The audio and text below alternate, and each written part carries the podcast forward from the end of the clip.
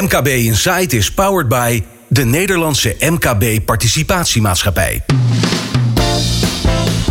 Hoe maak je als MKB'er nou goed doordachte investeringsbeslissingen? Wanneer is er sprake van een te groot risico? Maak je wel de juiste afwegingen? In MKB Insight hoor je ambitieuze ondernemers aan het woord. Zij delen groeiplannen of vertellen hoe de financiële groei van hun bedrijf is gerealiseerd. Dit is MKB Insight. Presentatie Volker Tempelman. De gast deze keer is Sebastiaan van Gastel, oprichter van Woning Media. Hoi Sebastiaan, goed dat je er bent. Dankjewel. Wat doen jullie eigenlijk precies met uh, Woning Media? Uh, hoe gaat het in zijn werk? Uh, Woning Media is een bedrijf dat vastgoedpresentaties maakt. Dus heel simpel gezegd, alles wat jij op Funda ziet, dat maken wij, alle content.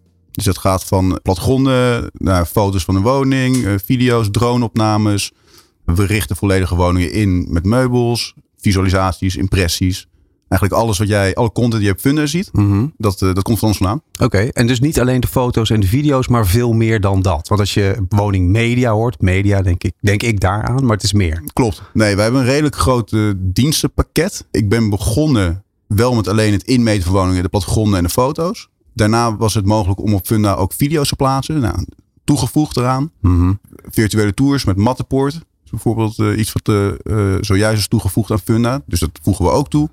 En daarnaast ook zaken die niet op Funda komen. Dus dan heb je het over energielabels, hè, het label zelf.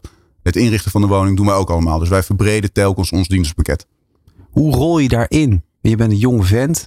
Je, je komt in een business vastgoed. Dat is een hele oude business. Ja, uh, hoe, hoe, ja. hoe is dat zo tot stand gekomen? Bouwkunde gestudeerd. Zodoende ben ik na mijn opleiding ben ik visualisaties gaan maken van nieuwbouw, gebouwen, interieur, exterieur, et cetera. Toen werd ik een keer gevraagd om een woning in te meten om vervolgens daar een impressie van te maken. Mm -hmm. En toen kwam de hele NEN-norm op. Dus hè, eerst liep een, een, een, makelaar door een pand heen en die zei, nou, uh, zo gaan swingen. En die zei, het is 70 vierkante meter.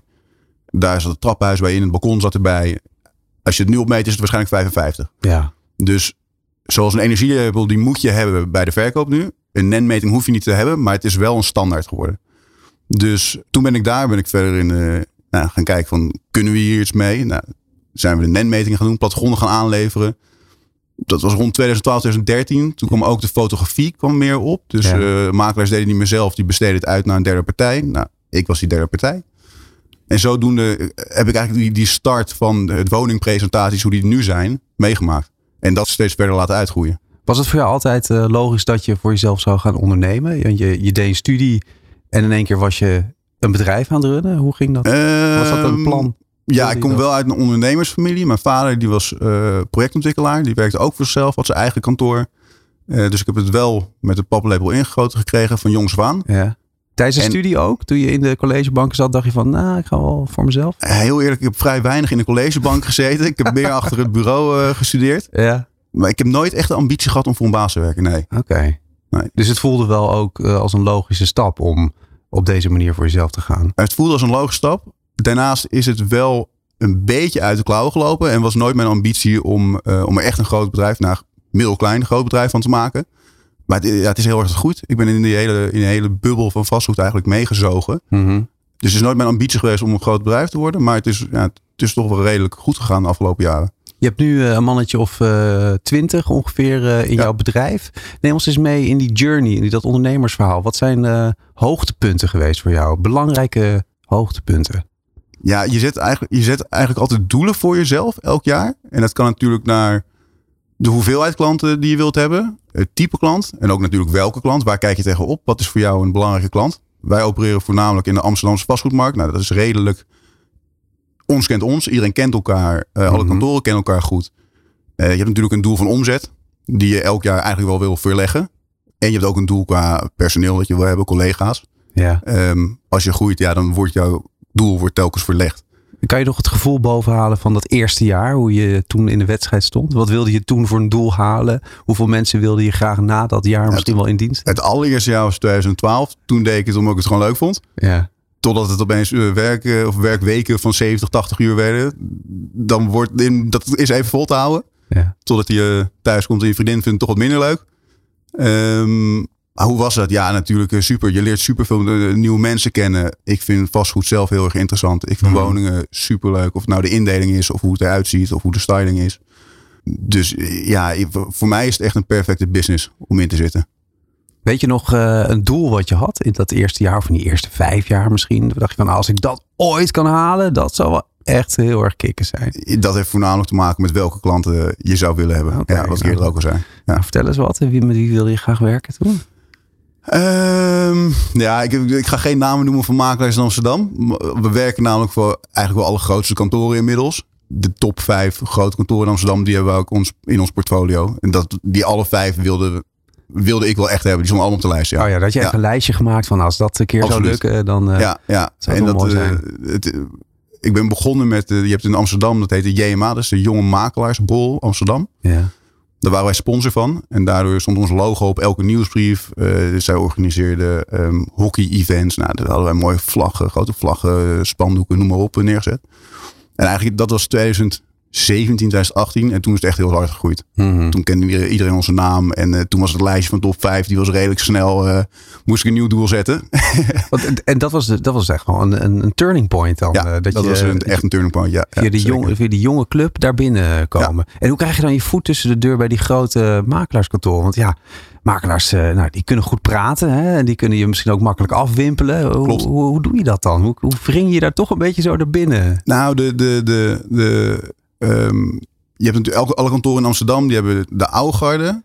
En omdat nou, vastgoed de laatste jaren wel echt gegroeid is, zit er ook een heel groot jonge garde, jong publiek tussen. En daardoor, hè, als je daar op bol zit, je praat ermee, het worden uiteindelijk ook vrienden. Dan ja. rol je er toch redelijk snel, uh, redelijk snel in. Iedereen praat met elkaar. Als jij kwaliteit levert, dan, uh, dan gaat het snel.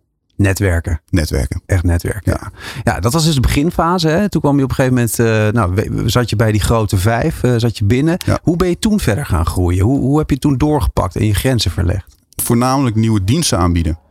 Dus een van de, wij waren in, misschien wel in Nederland waren, was ik de eerste die een, uh, die een drone had. Ja. dat vonden makelaars natuurlijk super gaaf.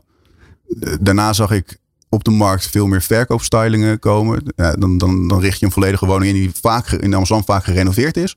Die richt je in en zodra die verkocht is, haal je de meubels weer uit.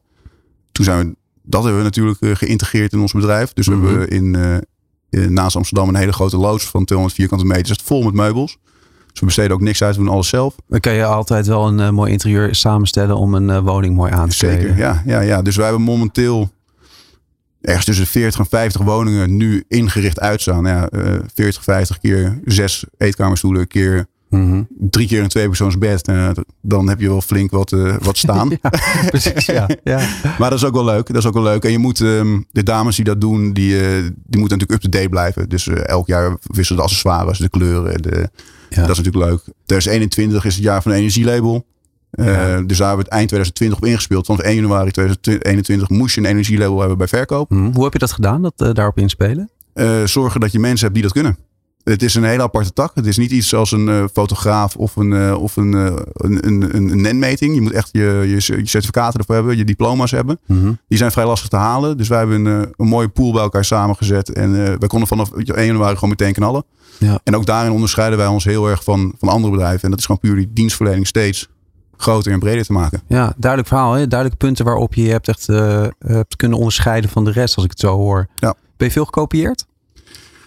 Ik ben, er zijn natuurlijk naast mij ook nog wel andere grote spelers. Uh, wij focussen voornamelijk op de Randstad en uh, uh, Kennemerland, het Gooi, et cetera. ben ik veel gekopieerd? Ja, we worden veel gekopieerd, maar dan in de zin van een freelancer die inmeet en fotografeert en een video maakt. Mm. Maar niet het arsenaal wat wij, wat wij hebben. Nee. Ben je daar ook wel uniek in, dus in wat je doet en hoe je het doet? In wat wij doen is er geen één in Nederland. En dan Nee. heb je puur over de hoeveelheid aan diensten die we aanbieden in één pakket. Als jij vandaag belt dat jij morgen een woning ingericht wil hebben, fo- gefotografeerd wil hebben, eh, de netmeting hebt gedaan, kan die overmorgen vinden staan. Er is geen één in Nederland die dat kan. Kijk, bam. Bam. Ik, zei, het al eerder, je bent een jonge vent. Uh, toch kwam uh, al het moment dat je de zaak ook alweer van de hand uh, wilde doen. Dat paste in jouw groeiplan. Hoe paste dat daarin? Waarom wilde je dat?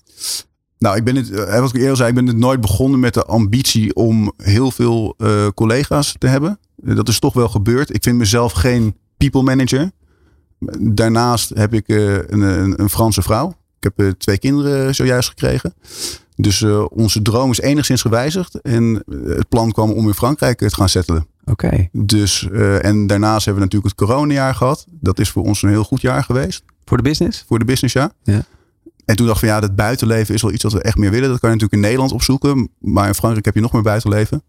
Dus eh, ja, toen ben ik wel over verkoop gaan nadenken. Ja. Ja, en dan groeien en dan ga je verkopen. En dan zijn natuurlijk heel veel partijen bij, met en aan wie je dat kan doen. Maar ik heb al geleerd in deze podcastreeks. Ja, je moet ook een klik hebben hè, met de partij met wie je dat doet. Met de mensen Klopt.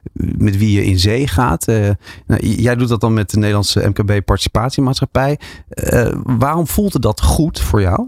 Ja, goede vraag. Ehm, je, je, eer- voor, voordat je natuurlijk bij een partij komt die jou wil eh, kopen, ga je eerst naar een partij die jouw koop gaat begeleiden.